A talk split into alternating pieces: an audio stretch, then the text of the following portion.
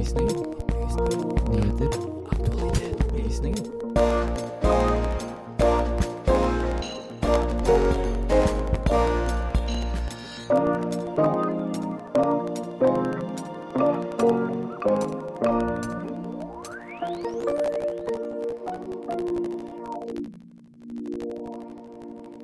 Meta, som eier Instagram og Facebook, må betale dagbøter på 1 million kroner.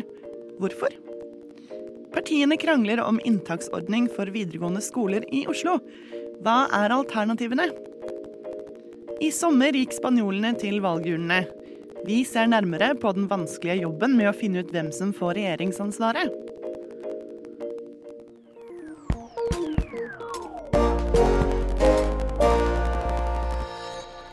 God fredagsmorgen og eh, velkommen til Opplysningen sin eh, sending. Eh, jeg heter Amalie Sundby og er den som skal lede deg gjennom denne sendingen i dag. Og med meg i dag har jeg en vikar, Sigrun Torne. Hei, hei. Du er jo vanligvis i Studentnyhetene. Jeg er jo vanligvis i Studentnyhetene og er nyhetsredaktør. Ja, det er viktig å få med Jeg vil ha den tittelen. Den tittelen har jeg fortjent gjennom demokratisk valg. Men det beste med deg, Sigrun, er jo at du er fra Moss. Moss, Moss, Moss, Moss, Moss, Moss, Moss, Moss, Moss, Moss, Moss, Moss. Jeg har gleda meg så mye til å eh, ha en Mosse-sending med Mossestemning. Ja. Og en ting som jeg lærte om Sigrun i dag, er at hun er så fra Moss at familien hennes har en gate oppkalt etter seg i Moss. Ja, det er helt riktig. Hvor min far bodde før han flyttet inn med min eh, kjære mor. Eh, Så jeg altså koser meg, så ingen kan si at dette er Oslo-sentrert, fordi vi er fra Moss. Ja, Bygda representert. Yes. Eh, kunne nesten hatt en egen eh, sending om mossedialekt og hva den egentlig er, for det tror jeg ingen vet. Nei, jeg vet ikke. Jeg har ikke peiling. Men eh, eh, før vi eventuelt vurderer mer eh, mossesnakk, så skal dere få en låt av meg. Her får dere ekkolodd med to pinner. Du hører på Opplysningen. Opplysningen. Opplysningen. Opplysningen. Opplysningen Opplysningen. Hver fredag mellom klokken 10 og 11. På Radio Nova.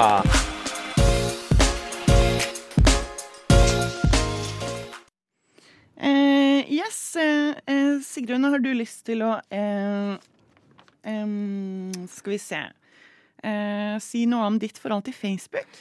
Jeg var en av de heldige, eller jeg, min mor var litt streng når det kom til Facebook, så jeg fikk ikke lov til å ha Facebook da jeg var 13, for det var eh, aldersgrensen. Eh, men det jeg har tenkt på mye i det siste, det er jo at jeg gjerne skulle ønske jeg kunne slette Facebook. Men vi eh, lever jo i en tidsalder hvor man blir invitert til ekstremt mye forskjellig, i arrangementer, den type ting, på Facebook. Og jeg tenker jo at eh, Facebook eies jo også av eh, Meta, som eier Instagram. Så jeg føler at de potensielt får dataen min uansett, for Instagram er jeg ikke så gira på å slette.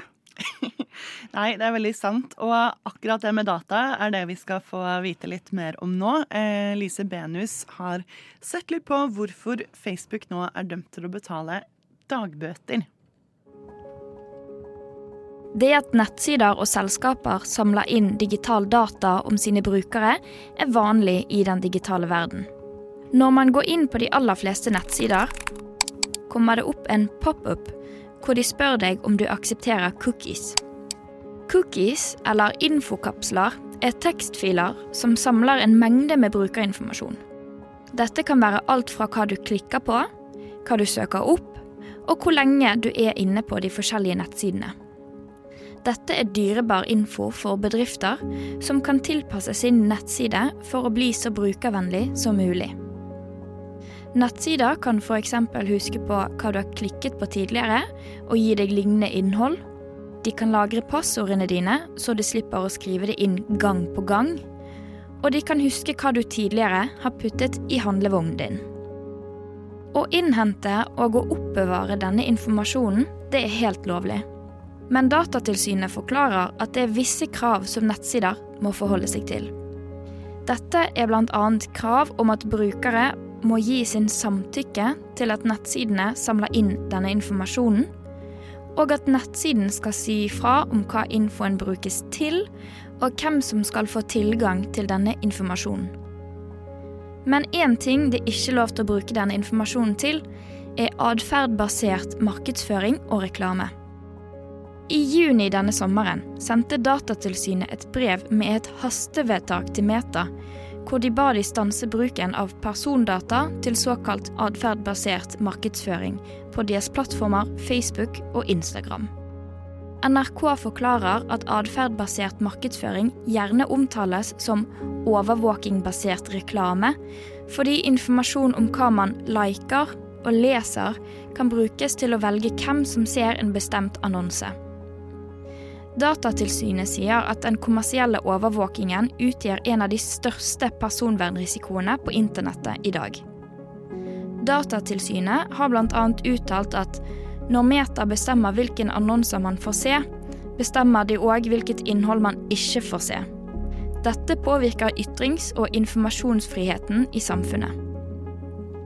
Datatilsynet ga Meta i hastevedtaket en frist fram til 4. august, hvor de enten måtte stanse bruken av persondata i markedsføring, eller få dagbøter på 1 million kroner.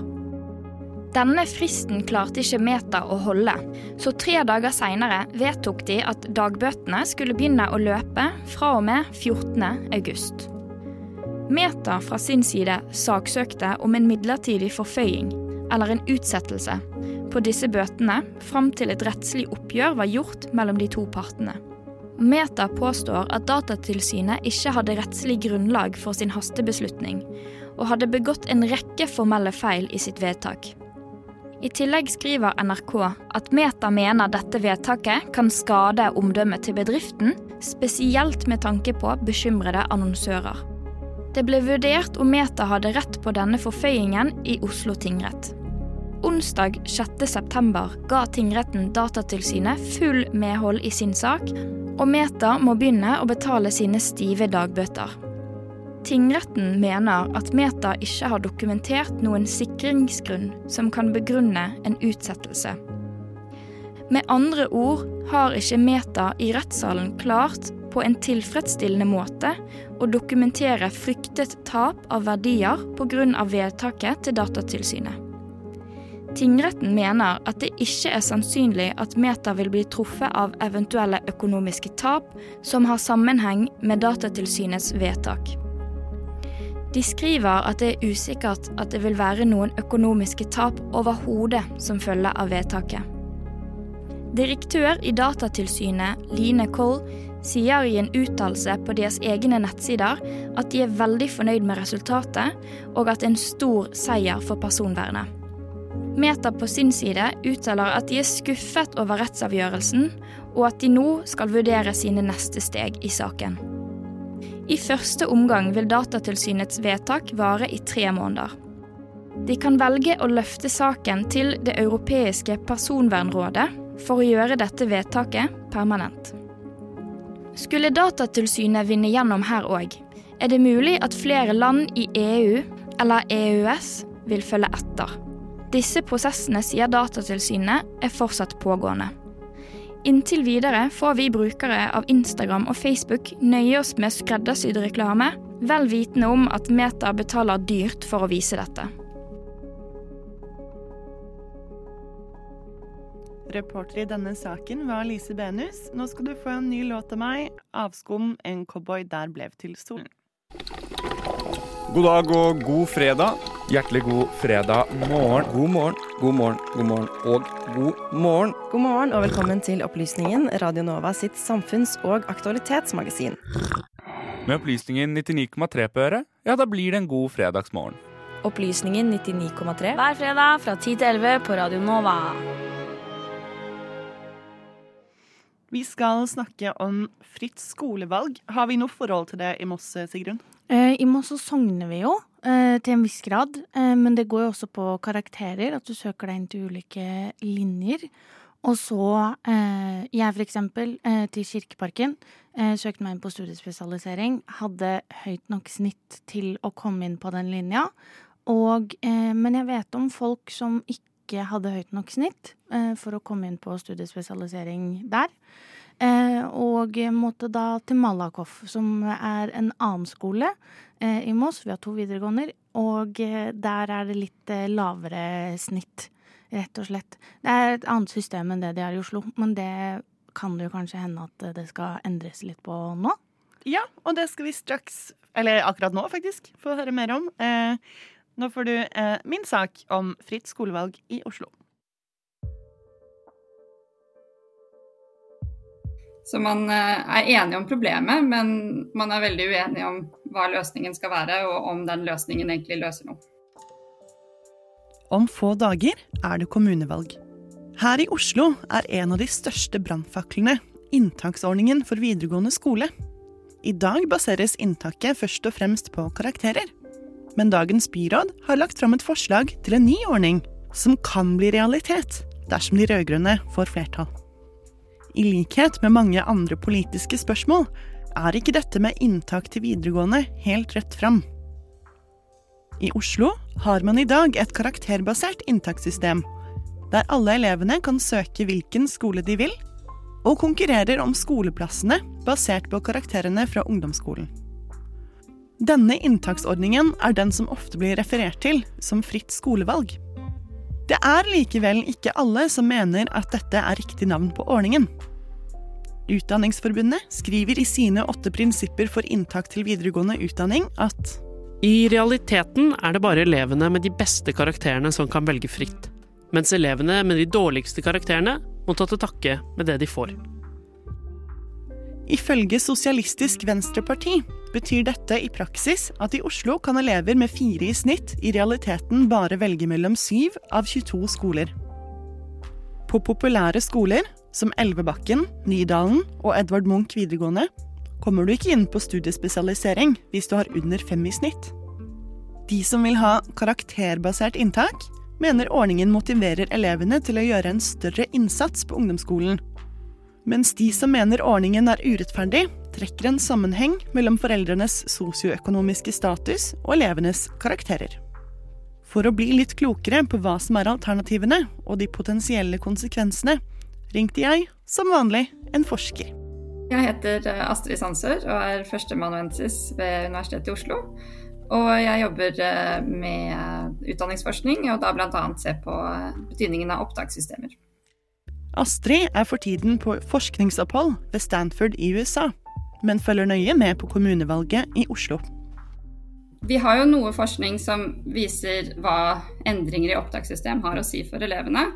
Og det er jo en tendens til at uh, man kan si at det ofte er sånn at uh, de lavere presterende elevene har godt av å komme sammen med høyere presterende elever, mens de uh, høyt presterende elevene ikke nødvendigvis har noen fordel av å ha lavpresterende elever sammen med seg. Men selvfølgelig så ønsker jo de som ikke kommer inn på de skolene de vil på i dag, i dagens system, har jo en grunn til å ønske at systemet endres sånn at de kan. Og på samme måte så har jo de som kommer inn på skolen i dag med det systemet vi har, grunn til å ønske at systemet beholdes sånn som det er. Så det er jo sterke interesser i begge ender. Jeg spør Astrid om hun kan forklare hva det er det rød-grønne byrådet egentlig foreslår. Det systemet vi har i dag, det er jo karakterbasert.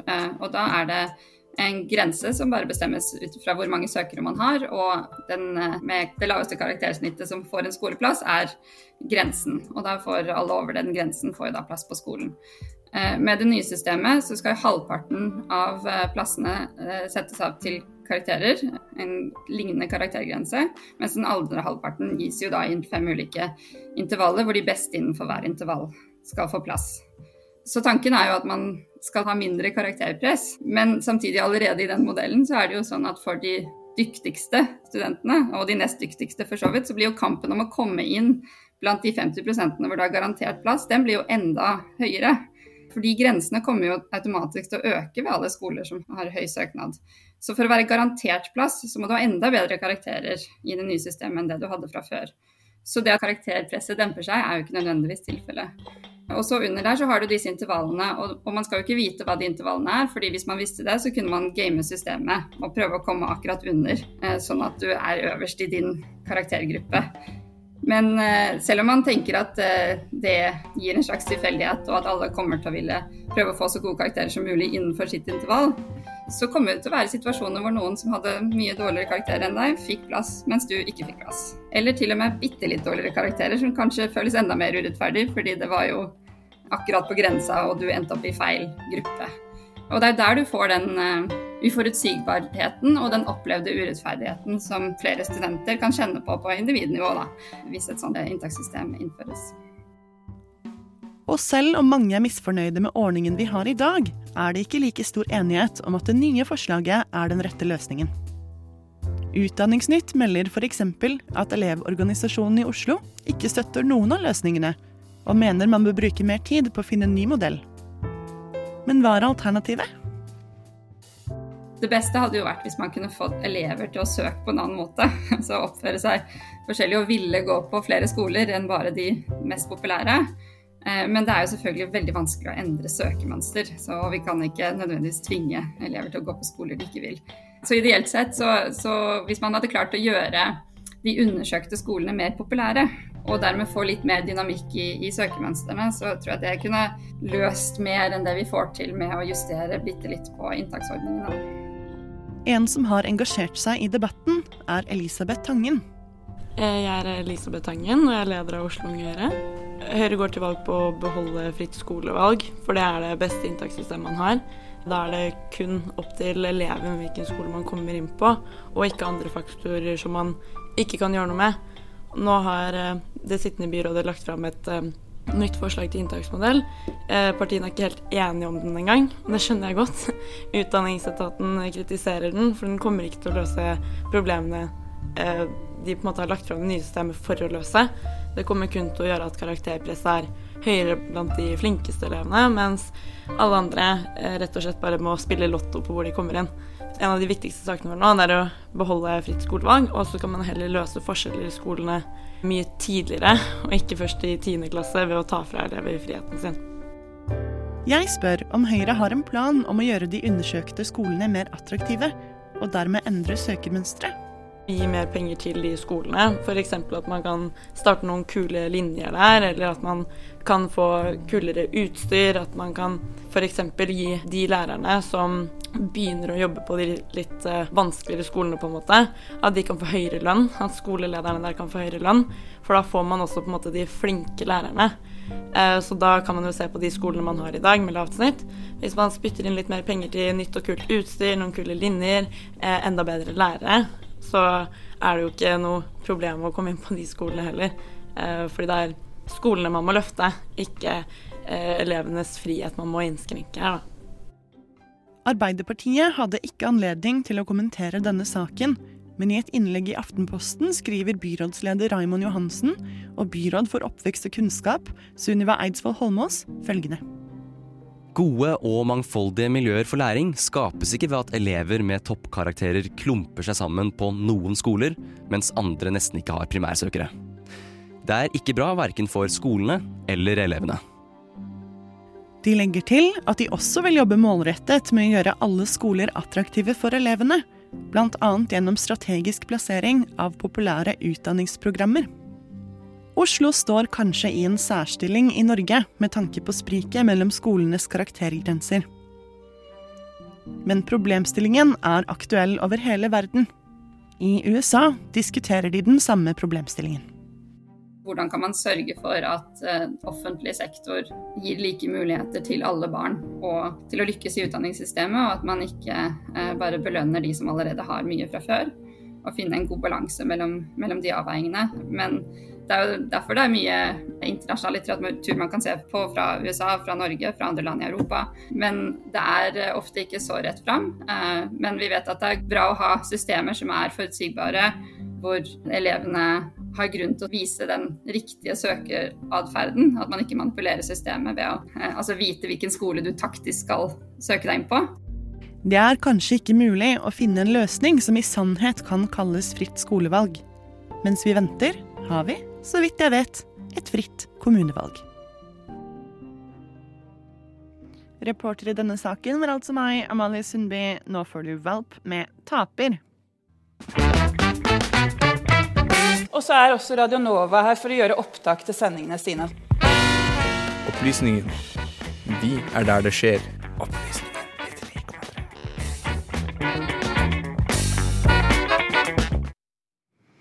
nå har vi vært kort inne på eh, fritt skolevalg. En annen het potet i dette kommunevalget er jo boligpolitikk. Eh, Sigrun, har du lyst til å innføre oss litt i hva som debatten går på? Ja. Eh, det er jo litt forskjellige elementer i boligpolitikken, men det jeg tenkte at vi kunne ta for oss, som jeg faktisk tror kommer til å bli påvirket av eh, valget, det er eh, leilighetsnormen. Ja, Hva er det for noe? Leilighetsnormen er at eh, fra 2013 i Oslo så det, har det ikke vært lov til å bygge leiligheter som er eh, mindre enn 35 kvadratmeter, så de må være 35 kvadratmeter oppover, i veldig mange bydeler i Oslo. Hvis du tenker på en måte Ring 2 sånn cirka. Eh, og resten har man måttet se an hvor mange det er der allerede fra før. Oh ja, men hva er formålet med den politikken? Formålet med den politikken er at eh, man vil rett og slett at man ikke skal bygge masse, masse, masse små leiligheter på ett sted. Det er det man har tenkt når man innførte eh, denne normen. Og det er de som eh, har lyst til, som er eh, på eh, venstresiden av politikken. Hvis du plasserer MDG i midten, selv om de ikke har lyst til at vi skal plassere de på noe akse, så er de på denne aksen i midten. Så hvis du tar eh, Senterpartiet og bortover til Rødt, de vil eh, beholde leilighetsnormen. Og de mener jo da at ved å beholde leilighetsnormen, så vil ikke, så vil ikke utbyggere og utleiere, altså store utleierfirmaer, eh, de vil ikke da tjene masse penger på at det fins eh, et mange ti kvadratmeter store leiligheter som de kan leie ut til 10 000 kroner i måneden. Fordi de da mener at dette vil ikke komme vanlige folk til gode, sånn at de kan komme seg inn på boligmarkedet. Og de er også litt bekymret for at eh, det skal bli for tettbygget, at man ikke skal få nok lys og god nok luft og grøntareal og den type ting. MDG har sagt er åpne til å se på eh, leilighetsnormen, så det er ikke sånn at de er for å fjerne den, men de har vært åpne for å se på den og se hvordan den fungerer per dags dato, men med visse krav hvis de skal fjerne den, som da går på grøntarealet, god isolasjon, at det er et ordentlig sted å bo, da. Mens da på høyresiden, som da vil da være venstre og bortover til Frp, hvis vi tenker en sånn vanlig akse, de eh, er jo da for dette, for å fjerne leilighetsnormen, fordi at de mener at det vil gjøre at det bygges flere boliger som folk faktisk har råd til å kjøpe, og at flere kommer seg inn på boligmarkedet. Som gjør også at det, eh, prisstigningen på boliger generelt i Oslo vil, eh, vil, synke, fordi at mange førstegangskjøpere som kanskje er enslige, vil komme seg inn på markedet, og at leieprisene også vil gå ned fordi at det er tilgang på eh, flere leiligheter. Så dette er jo faktisk et reelt valg som altså vil bli påvirket av hvordan valget eh, hva, hva, som blir hva Resultatet av valget var det ordet jeg lette etter. Så jeg syns jo det er eh, Jeg syns jo det er veldig, veldig spennende å se. Jeg er jo, eh, har jo lest alle partiprogrammene fra Rødt til Frp. Det, tok lang tid, men har kost meg veldig mye med det.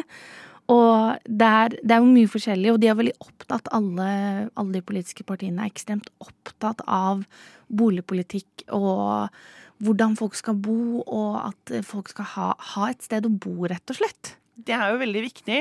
Men en ting som jeg ble nysgjerrig på, nå vet jeg ikke om det kommer fram av de partiprogrammene, men eh, vil høyresiden ha en, et minimumskrav i det hele tatt? Nei de vil ikke ha noe Altså fjerne, fjerne Altså, de har i hvert fall ingenting i programmet sitt som sier eh, um, og vi skal flytte grensen på leilighetsnormen. De har vært sånn Vi skal fjerne den helt.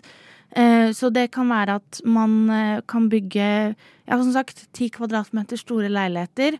Og Frp er jo også for å eh, tillate høyhus, som de kaller det. Altså bygge oppover i høyden, spesielt ved eh, knutepunkter, kollektive knutepunkter. Så da vil man jo plutselig kunne ha ekstremt høye bygninger med veldig, veldig mange små leiligheter eh, inni seg. Uh, mens så har du på den helt andre siden så har du Rødt, som da er imot å fjerne leilighetsnormen, som også vil innføre boplikt i, eh, al, altså, i boliger i Oslo, fordi at de mener at eh, nummer én, det er eh, egentlig nok boliger i gåstegn eh, i Oslo til at alle kan ha et sted å bo, men det er veldig mange av de som står tomme fordi at folk f.eks. leier de ut på Airbnb, eller at det er utleiere som venter på at noen er villig til å betale eh, ganske mye for å bo der, istedenfor å gå ned i prisen. Så de eh, vil jo innføre det på eh, hovedsakelig på sekundærbolig, altså hvis du eier en tilleggsbolig eh, enn den primære som du bor i. Så det er, det er, jeg syns det er veldig, veldig interessant, og jeg vet ikke om alle som stemmer, vet at uh, dette kan bli en forandring i Oslo kommune når man, uh, når man stemmer, og at resultatet kommer. Ja, for jeg skulle akkurat til å spørre om eh, Jeg eh, har jo lyst til å komme meg inn på boligmarkedet selv. Og så tenkte jeg Altså, nå må jeg innrømme at jeg har ikke lyst til å bo på 10 kvadrat. Det har jeg ikke. Uh, men jeg kunne klart meg på 20.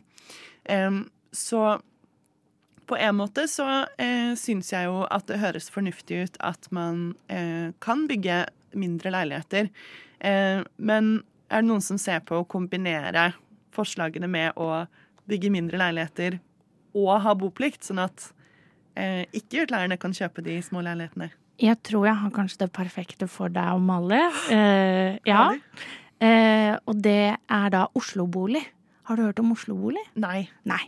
Oslo-bolig er uh, det som de ønsker at skal bli det tredje, tredje boligsektoren. Som er rett og slett da et samarbeid mellom utbyggere, private firmaer, og kommunen hvor man da skal sammenkjøre det, og at det er også innad i dette en eh, leie-til-eie-format. Så da er det jo det at det, hvis man, man, kan søke seg inn til Oslo Bolig etter hvert, det er ikke så veldig mange boliger som fins. Eh, hvor man, hvis man tjener, hvis man er førstegangskjøper og tjener under 600 000 i året, så skal man da kunne søke seg inn og få rett og slett eh, en, en, god pris, eller jeg vet ikke om jeg skal forklare det, og leie til eie. Så um, jeg ville kanskje sjekket ut uh, Oslo-bolig og leie til leie for deg, Amalie. Ja, eh, jeg syns i hvert fall det er veldig deilig å tenke på at jeg slipper å konkurrere med bolighaier på dette markedet. Tusen takk for at du hadde lest deg opp på dette temaet, eh, Sigrun. Eh, nå skal vi få en ny låt her. Her får vi Rathu med Streeter. Opplysningen på Radio Nova. Uh, yes, da uh, er vi på vei inn i siste del av uh, sendingen vår. Um, vi skal snakke litt om Eller vi skal høre litt om Spania. Og der har det vært noen regjeringsforhandlinger. Jeg føler at jeg ikke følger så veldig mye med på spansk politikk. Gjør du, Sigrun? Nei, jeg gjør ikke det, men jeg føler at, at, det er kanskje litt sånn typisk spansk, at det er litt sånn opphetet. Nå, nesten, nå prøver jeg å ha litt sånn, nesten litt sånn romantisk kroppsspråk mot deg, Amalie, men jeg føler at det kan være mye følelser og kanskje litt kjefting og smelling og Men eh, kanskje det er noe Eh, jeg vet jo at det er en liten sånn høyre, eh, konservativ høyrebølge over Europa. Kanskje det har noe med det å gjøre. Jeg, skal, jeg tenker i hvert fall at jeg er veldig interessert i å høre hva som skjer. Hvem skal styre? Det er, det er jo et land vi har noe med å gjøre, fordi det er i Europa, det er i EU. EU påvirker oss. Ja, Pluss eh, at det er så mange nordmenn som drar dit hvert år. Ja, mange nordmenn som bor der. Ja. Det må vi jo ikke glemme. Det er jo et lite lille Norge nede på Gran Canaria hvor det bor eh, masse nordmenn, og føler at hver gang eh, jeg er i Spania på sånn turiststed, så kan servitørene norsk, fordi det er så mange nordmenn der. Ja, det er akkurat det man ønsker seg når man drar til utlandet. Brunost, Grandiosa og VG. Eh, nå skal vi eh, få høre hva Alexander har funnet ut eh, av regjeringsforhandlingene i Spania. Det hersker usikkerhet i spansk politikk etter sommerens parlamentsvalg. Valget, som ble avholdt 23.07, endte med at verken den høyreorienterte eller den venstreorienterte blokken fikk flertall. Det konservative Folkepartiet, PP, ble største parti med 33,1% av stemmene og 137 av de 350 mandatene i parlamentet, kalt Cortes.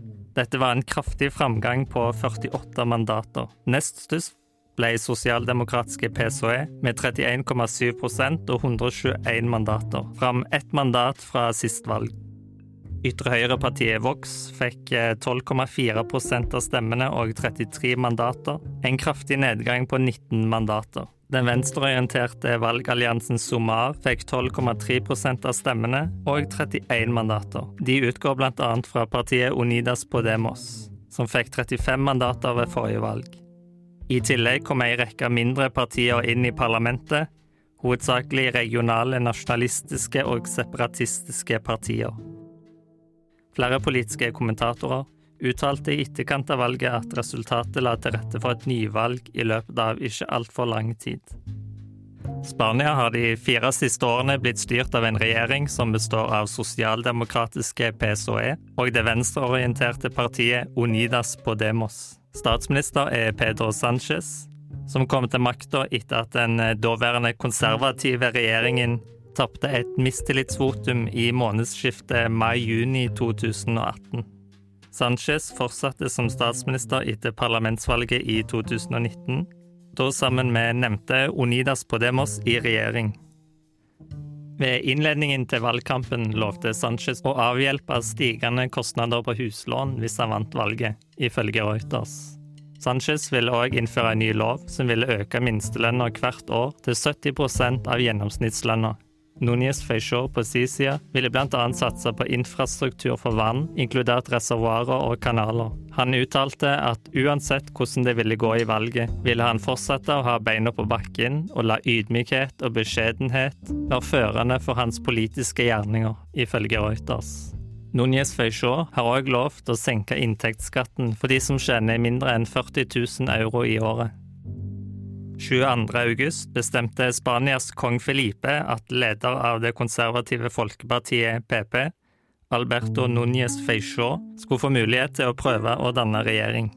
Selv om PP skulle få støtte av ytre høyre-partiet Vox, vil de fortsatt ikke ha et flertall bak seg i parlamentet. Det er altså ikke sikkert at PP vil greie å danne regjering. Statsminister Sanchez Bloch har til sammen 171 av de 350 mandatene. Sanchez kan få et flertall bak seg om han kan overtale noen av det katalanske separatistpartiet Junts representanter til å stemme på han. Partiet Junts ledes av Carles Puigdemont, som var president i Catalonia da denne regionen i 2017 avholdt en folkeavstemning om uavhengighet, for deretter å erklære seg som en egen stat. Flere av de som sto bak folkeavstemningen, har blitt straffa for det. Puigdemont lever i dag i eksil. Som betingelse for å støtte Sanchez krever amnesti for personer som sto bak folkeavstemningen, og at Catalonia får holde en ny folkeavstemning om selvstyre. Sosialdemokratene PSOE avviser begge disse kravene, fordi de er i strid med den spanske grunnloven, men separatistene gir seg ikke. Det skriver nettavisa Politico. 29. august møtte Núñez Feixó Sanchez for å be om PSOEs støtte til å bli statsminister. Núñez Feijó ba om tillatelse til å regjere på egen hånd i to år. I løpet av denne tida skulle PP og PSOE jobbe sammen for å vedta politikk partiene er enige om. Deretter skulle det lyses ut nyvalg. Sanchez avviste å støtte Núñez Feijó som statsminister. Det venta at et flertall av representantene i parlamentet i slutten av september kommer til å avvise konservative Núñez Feijó sitt forsøk på å bli statsminister, og at kong Felipe deretter vil be Sanchez om å prøve. Det skriver Politico. Hva slags regjering det blir i Spania, er altså fortsatt uklart, og det kan ennå ta lang tid før vi har svaret. Reporter i denne saken var Alexander Klyve Gudbrandsen. Eh, nå skal du få mer Nova-musikk her hos meg. Eh, her kommer Simen Midtly med 500 Days. Når vi spør dem om de virkelig ikke vil ha tariffavtalen, så sier de jo jo, vi vil jo ha den, for den er jo mye bedre enn husavtalen. Du har ingen elbil, du har ingen vindmøller, du har ingen PC og ingen mobil hvis du ikke har disse metallene. Jo, man kan snakke om penger, man kan snakke om alt det her, men bunn og grunn så handler det om et pågående menneskerettighetsbrudd. Det Grunnloven sier, det er, i realiteten er nesten ikke sant. Opplysningen på Radio Nova. Fra klokka 10 til 11 hver eneste fredag. Yes, da er det dessverre på tide å runde av. Eller ikke for deg, Sigrun. Nei, jeg jobber jo her, så jeg skal jo være her i dag. Nei da. Men jeg, jeg syns, det, det er koselig. Dette er min første opplysningssending, og jeg syns det har vært veldig, veldig hyggelig å være med. Ja, du har jo klart deg med glans. Eh, har du noe sånn eh, teaser til de som hører på, hvorfor de ikke burde skru av radioen? Og de burde ikke skru av radioen, eh, fordi vi skal gå enda dypere inn i lokalvalget, og da spesielt rettet mot eh, studenter. Så det er jo derfor jeg mener at de ikke skal skru av. Eh, for vi hadde en panelsamtale på mandag, hvor vi har da tatt den opp, og så skal man få høre en liten smakebit av hva vi snakket om der. Og det må vi jo huske å eh, få med her, at eh, jeg tror at i dag er siste sjanse for de som ikke er registrert i Oslo. I dag er siste dag for forhåndsstemming. Og så, hvis man bor i Oslo, eller man bor i omegn, og det er der man er folkeregistrert, så kan man enten stemme på søndag eller på mandag. Og man skal ha fått valgkort digitalt, og der står det også hvilken, hvilket valglokale som er ditt valglokale. Det er jo ofte det nærmeste der hvor, du, der hvor du bor. Jeg har jo valgt å utsette å stemme. Jeg skal stemme på valgdagen, som jeg ikke har gjort på mange, mange år. Så jeg har ikke utsatt det sånn sett. Jeg skal bare gjøre det på selve dagen. Så jeg gleder meg veldig til å stå opp mandag morgen, gå ned på den skolen hvor jeg skal stemme, gå og gjøre min borgerplikt, og så dra hit på jobb igjen på mandag og være kry og stolt over at jeg har gjort min borgerplikt. Jeg gleder meg så utrolig mye. Det er faktisk en helt annen følelse. Eh, men jeg har så panikk for å glemme det, for jeg glemte å stemme en gang. Eh, altså Til mitt forsvar så bodde jeg i London, eh, så det var jo på en måte Da må du på ambassaden. Ja, det var litt mer styrete. Men jeg hadde så tenkt å, å stemme, og så vant jo den politiske siden som jeg ikke ville stemme på. Så eh, etter det så har jeg bare fått sånn panikk på at jeg må stemme, jeg må stemme. Så i, dag, eh, i år så stemte jeg første dag forhåndsstemminga åpna. Ja, men hvis man vet hva man skal stemme, så kan man jo stemme når som helst. Jeg har bestemt meg, men det er hemmelig valg, så jeg skal ikke si hva jeg skal stemme. Men jeg oppfordrer på generell basis alle sammen til å stemme.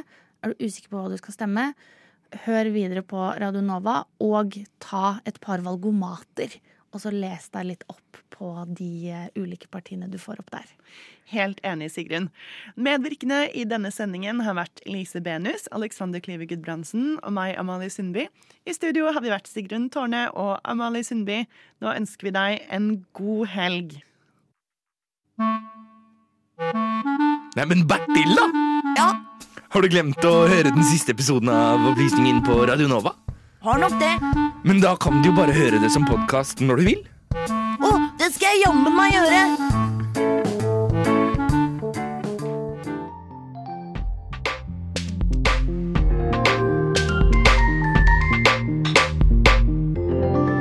Du har hørt på en Radio Nova-podkast.